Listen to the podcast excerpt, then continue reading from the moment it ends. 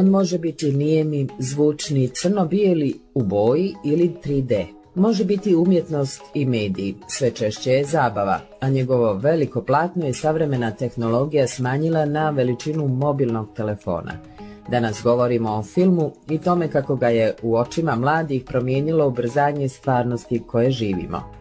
Ovo je Zavir ispod površine, podcast radija Slobodna Europa. Ja sam Jasna Vukićević i vodim vas na radionicu filma za djecu gdje ćemo upoznati kreativne osnoškolce koji uče o filmu, a potražit ćemo odgovore zašto umjesto u kina mladi danas više vole da filmove gledaju sami na kompjuteru, te kako da roditelji utiču na filmski odabir svoje djece.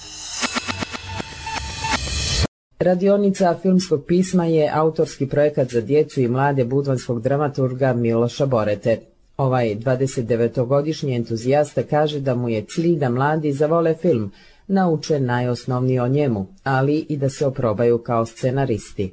Moje iskustvo je bilo da su došli sa vrlo lošim znanjem o filmu, doduše to je i zamišljeno da se ovdje uči i pokreću mnoge teme, a s druge strane me malo šokiralo jer sam mislio da će makar po nešto biti poznato. Međutim, sve mi je bilo novo, što je meni možda na neki način e, i olakšalo jer sam onda imao eto tu slobodu da da im ja predstavim na način na koji mislim da je najbolje sve to, međutim blagi šok da im nisu poznati najpoznatiji neki e, filmski klasici, primjer filmovi Charlie Chaplina, Lesi se vraća kući, 20.000 e, milja pod morem, zatim Winnie Pooh, ono što sam mislio da, da su također gledali u djetinstvu ili makar čuli za to.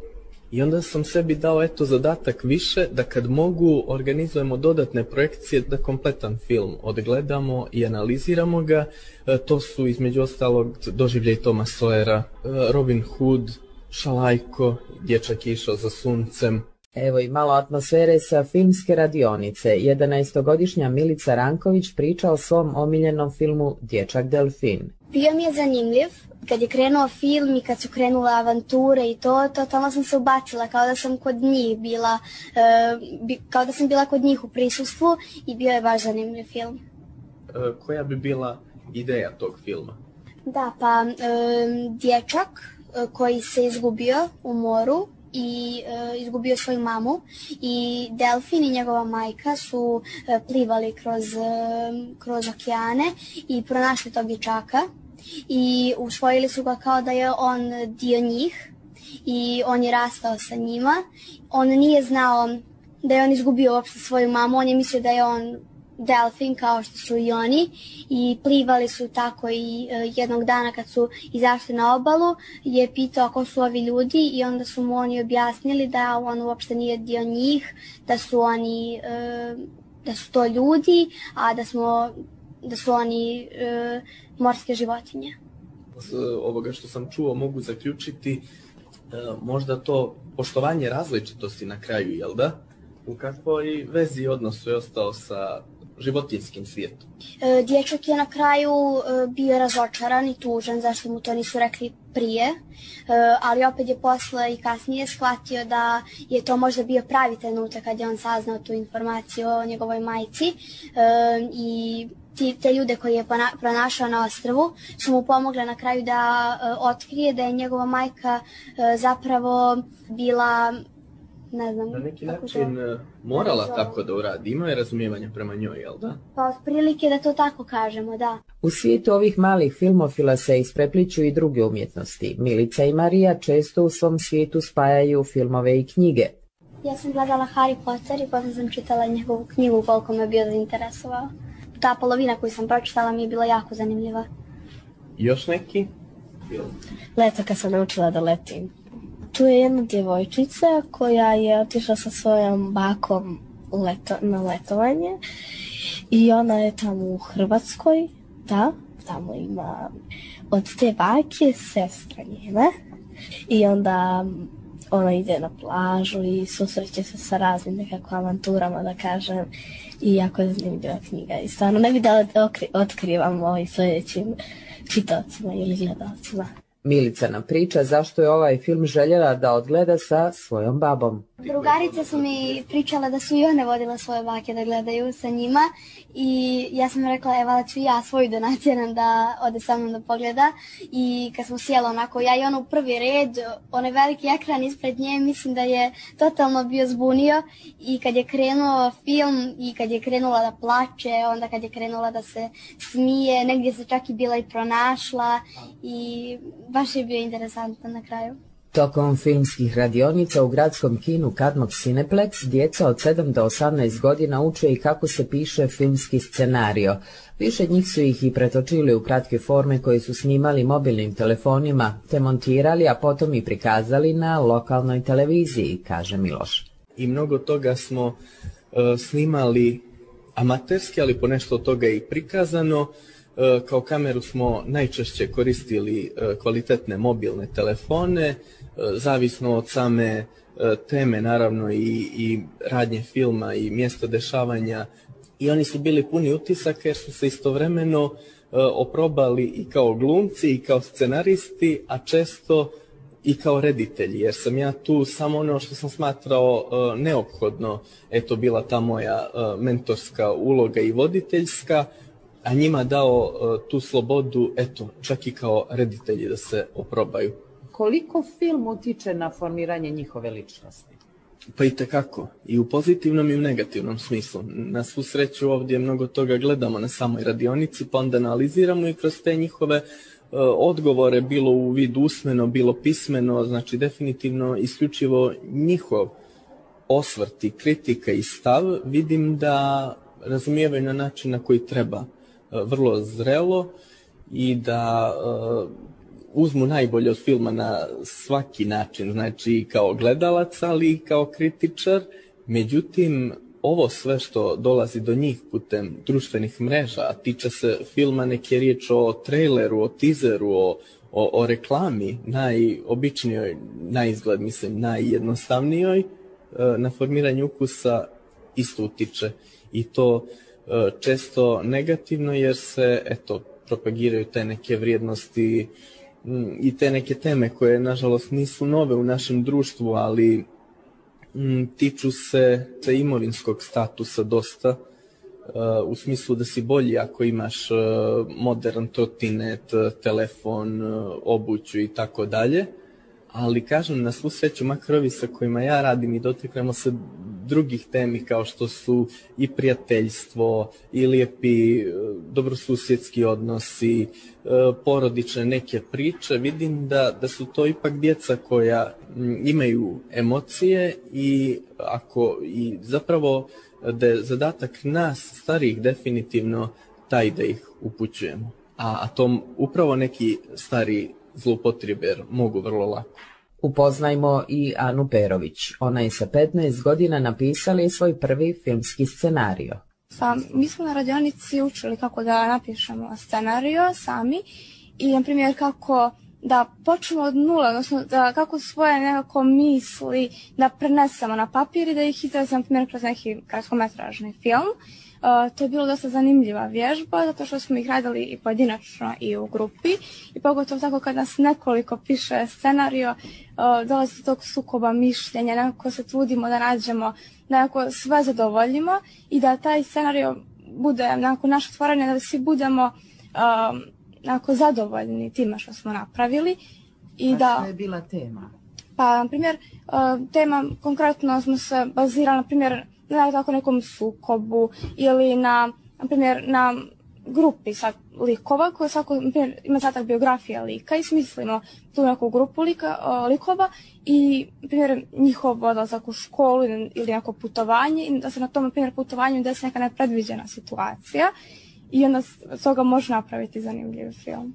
Što je promijenila ova radionica u tvom odnosu prema filmu? Pa naravno, radionica mi pomogla ako sagledam film iz drugog ugla, na primjer da znam proces nastanka samog filma, pisanja scenarija, biografije lika, koja stvorim nekog svog lika i da ga okarakterišem, na primjer da uvidim eventualno neke greške u filmu, odnosno da iznesem svoje mišljenje kako su oni neki dio filma mogli da predstave na drugačiji način i svaki film ostavi neki utisak na meni.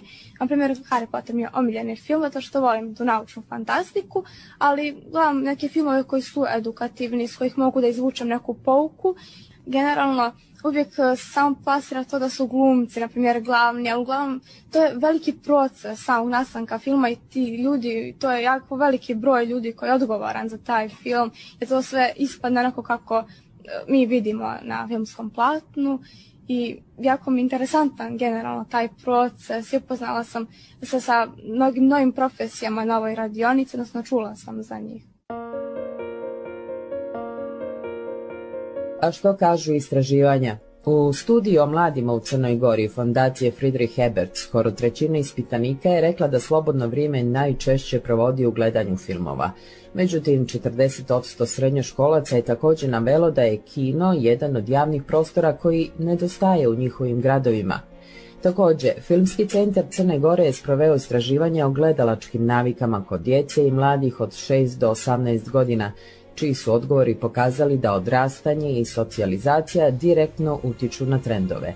Tako najmlađima roditelji preporučuju ili za njih biraju što da gledaju, dok su društvene mreže glavni izvor informisanja starijim grupama. Najmanje uticaja na odabir imaju preporuke učitelja, nastavnika i profesora. Na pitanje zašto gledaju filmove, uobičajen razlog za sve starosne grupe je faktor uzbuđenja – Djeca od 11 do 14 godina najčešće gledaju filmove u bioskopu zbog druženja sa drugarima iz škole, dok je za najstariju grupu ispitanika, koja uglavnom gleda filmove na kompjuteru i u samoći, najčešći razlog bijeg od stvarnosti.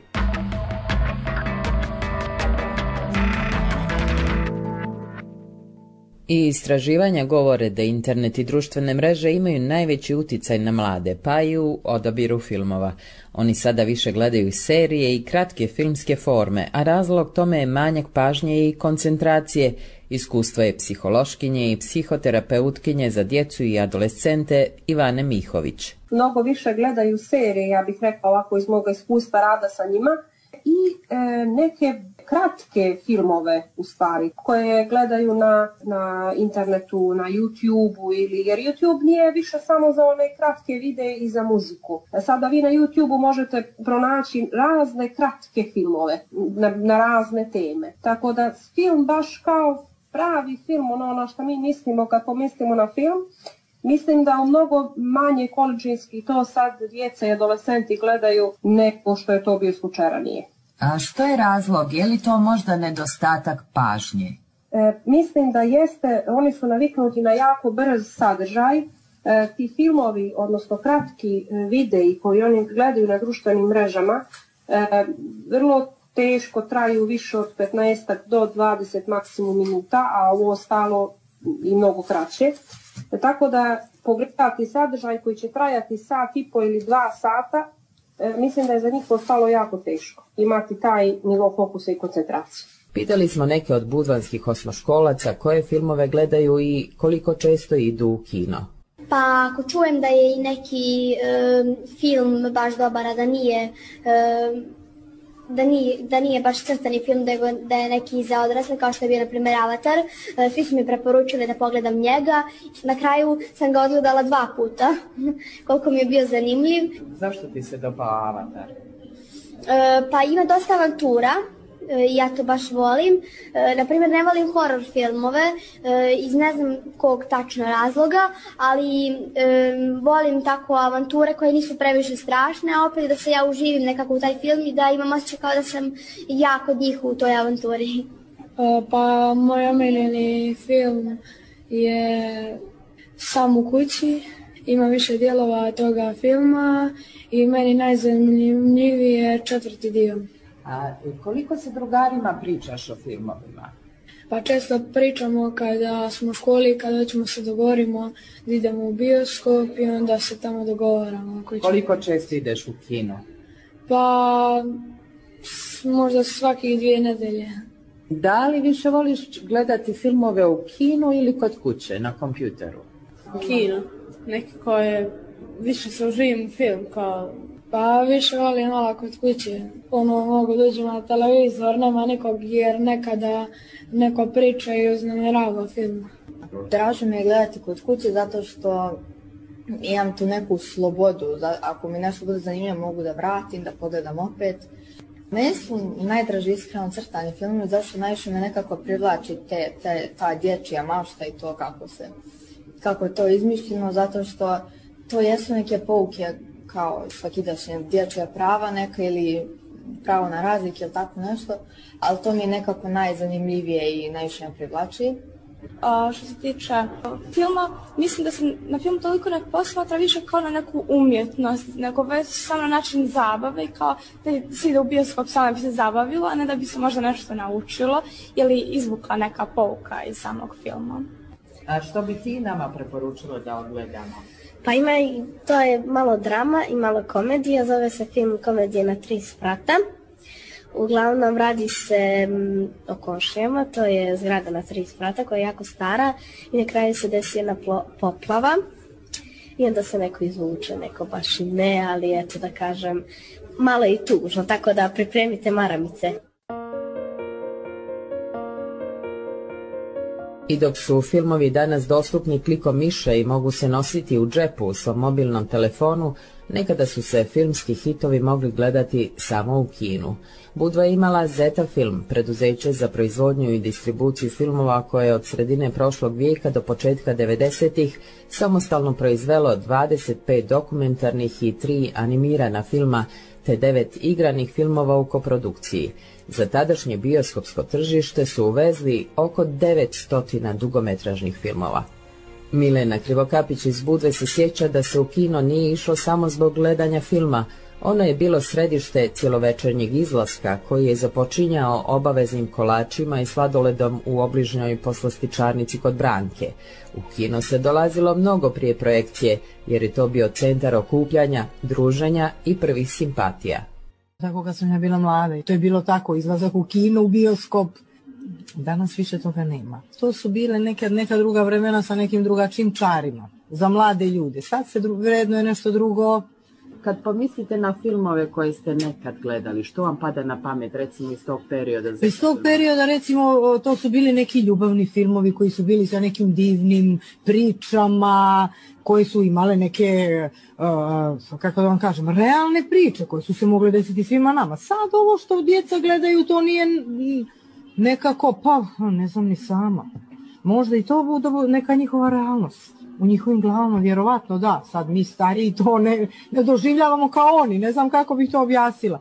Eto, ja sad realno slabije gledam filmove, izuzev tog nekog mog doba, nemam mnogo ni vremena do duše, ali nekako čovjek kako je u godinama onda i nešto što mu izaziva stres, e, od toga se malo kloni, jer ti filmovi koje smo mi gledali u ta vremena nisu bila tipa da te toliko istresira kao sad nešto što se odigrava, vjerovatno to vuče jedno drugo shodno vremenu, to se i pravi, šta ja znam.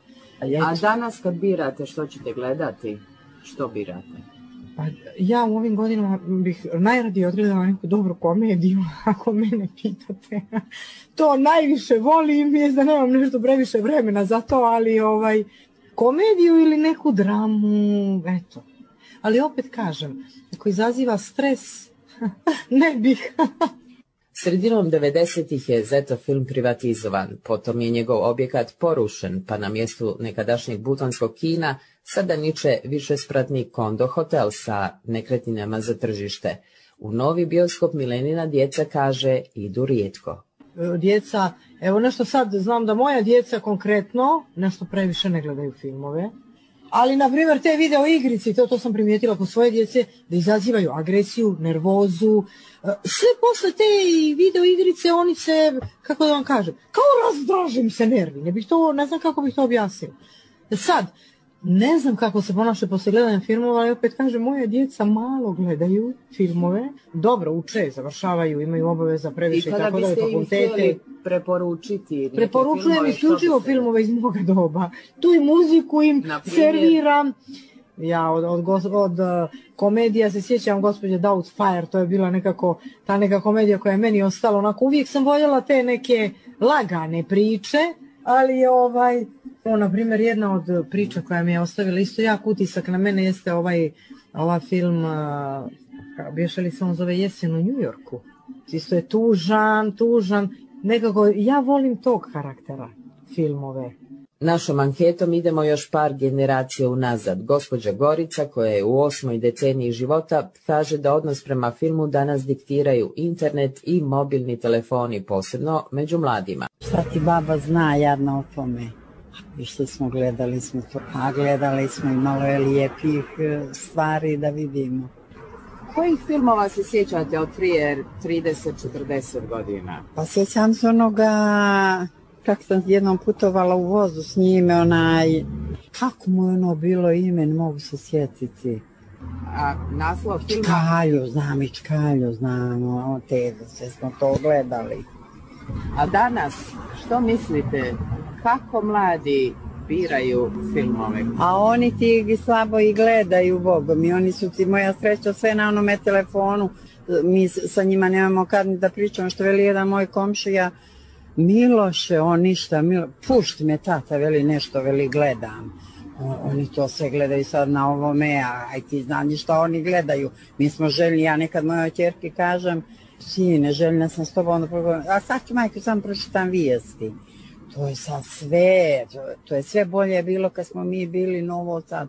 Ovi su nas telefoni zarazili, sve je bilo drugačije, a sad je, ovo je samo neka podrži kako onda u novim okolnostima koristiti filmove za formiranje odnosa djece i mladih prema mnogim temama koje prate njihov uzrast, od vršnjačkog nasilja do poštovanja različitosti, jer kao i sve drugo, filmovi mogu imati dobar ili loš uticaj zavisno od toga kako ih biramo, kaže psihološkinja Ivana Mihović.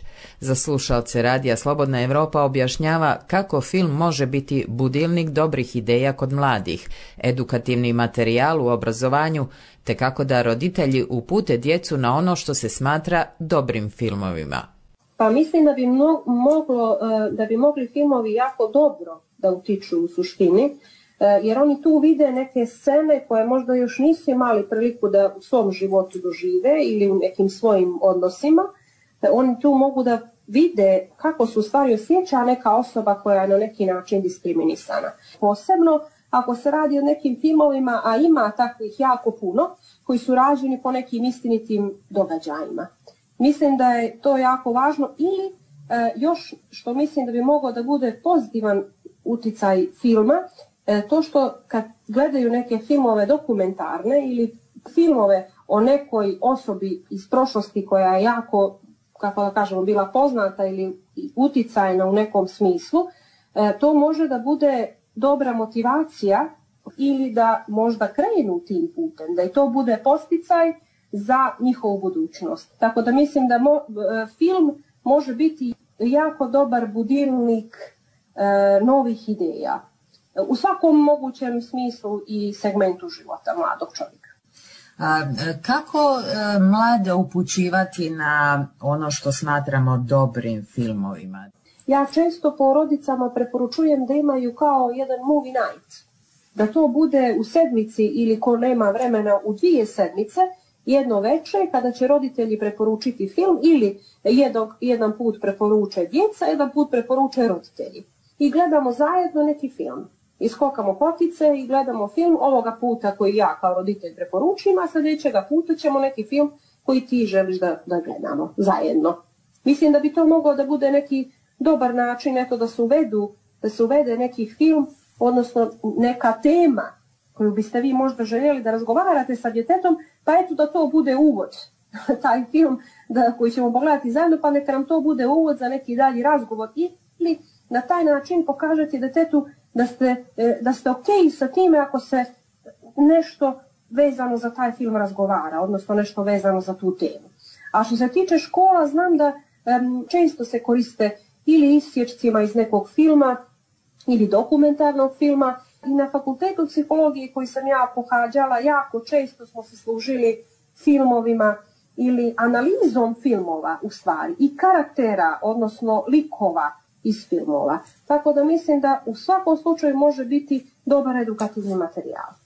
Smislu filmskog uticaja nije važno samo gledati dobre filmove, nego ih i analizirati, odnosno razgovarati o njima. Imate li utisak e, da se danas razgovara o nekom filmu koji odgledamo, koji na nas stavi neki značajan uticaj? Pa mislim da, da nas razgovaramo generalno mnogo manje nego ranije. Nekako smo svi pomalo zakazali u komunikaciji u smislu da mislim da mnogo manje vodimo razgovore jer imamo mnogo manje vremena. E, ali mislim da bi svakako trebalo razgovarati posebno sa mladim osobama. Vi znate, neki od filmova uvijek piše mogu da gledaju djeca, ali uz prisustvo odraslih. Ne zato što treba neko da sjedi pored djeteta dok gleda taj film, nego upravo da bi sa djetetom razgovarao na tu temu i možda pojasnio neke stvari koje nisu jasne ili dovoljno jasne i da bi samim tim onda mogli nešto da naučimo iz tog filma, odnosno iz tog sadržaja. A što može biti štetan uticaj filma? E pa, u, ima nekih filmova, posebno koji su vezani tako za neki gangsterski život, e, za mafiju, da tako kažemo, koji često u mladim ljudima e, mogu da probude onaj kontraefekat, znači ne da oni shvate da je to nešto loše i da na kraju ipak završiš loše kad se tim poslovima baviš, nego da nekako probudi u njima želju E, s obzirom na to da e, osobe iz tih filmova su predstavljene često kao neke osobe koje ipak jedno vrijeme uživaju nekakav, kako bismo rekli, lijep život, jel, da tako kažemo pod znacima navoda, i važni su. Imaju moć, bitni su, e, to je isto nešto što privlači, i drugi ih svi vole i svi ih poštuju. Imaju poštovanje drugih. Jedan dobar dio svoga života. Tako da ponekad to može biti loš uticaj na, na mlade ljude, ovo sad mislim na ovako ovi koji pređu 18 godina, ajde da tako kažem, ili blizu 18 godina, da se povuku time da na taj način možeš imati moć i da te svi gledaju ono kao sa poštovanjem. E, znam i nekih slučajeva ovako koji su se dešavali e, konkretno iz, iz praktičnog rada da su ljudi pričali nekad ranije da su gledali takve filmove i da ih je to znalo povući u tom nekom pravcu, u nekim stvarima i odlukama koji su poslije imali kroz život. Iako društvene mreže imaju najveći utjecaj na to koje filmove djeca gledaju, psihološkinja Ivana Mihović podsjeća da je nezamjenjiva uloga roditelja u formiranju filmskog ukusa i odnosa djece prema filmu. E, nekako se dijete mora upućivati od samog početka na gledanje filmova. Znate da ima porodica u kojima je to praksa i onda to kao slušanje muzike. Isto tako nekako pređe u naviku. I onda mislim da za to ima porodica velikog utjecaja jer kakva se muzika sluša u porodici, ne kažem uvijek, ali obično onda takvu muziku poslije djeca imaju nahođen da slušaju, bez obzira na to kakvu muziku njihovo društvo sluša, shvatate? Tako isto i za filmove. Takve filmove gledam ako mi imamo nahođenje kao porodica da gledamo film i moji roditelji često gledaju filmove, onda ću nekako ja usvojiti to. Mnogo lakše nego neko ko, čiji roditelji nikad nisu sjeli da pogledaju film. Shvatate? To ima nekakvog uticaja ukus se formira prema tim nekim stvarima. Znate, to je kao ukus za, za bilo što drugo. To jednostavno tako funkcionišemo. Naučimo od onoga što nam je ponuđeno.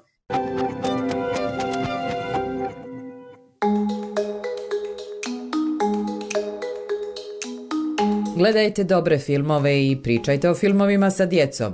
Ja sam Jasna Vukićević, volim mala kina i velike filmove.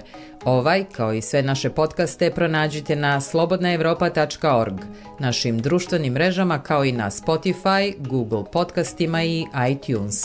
Do slušanja.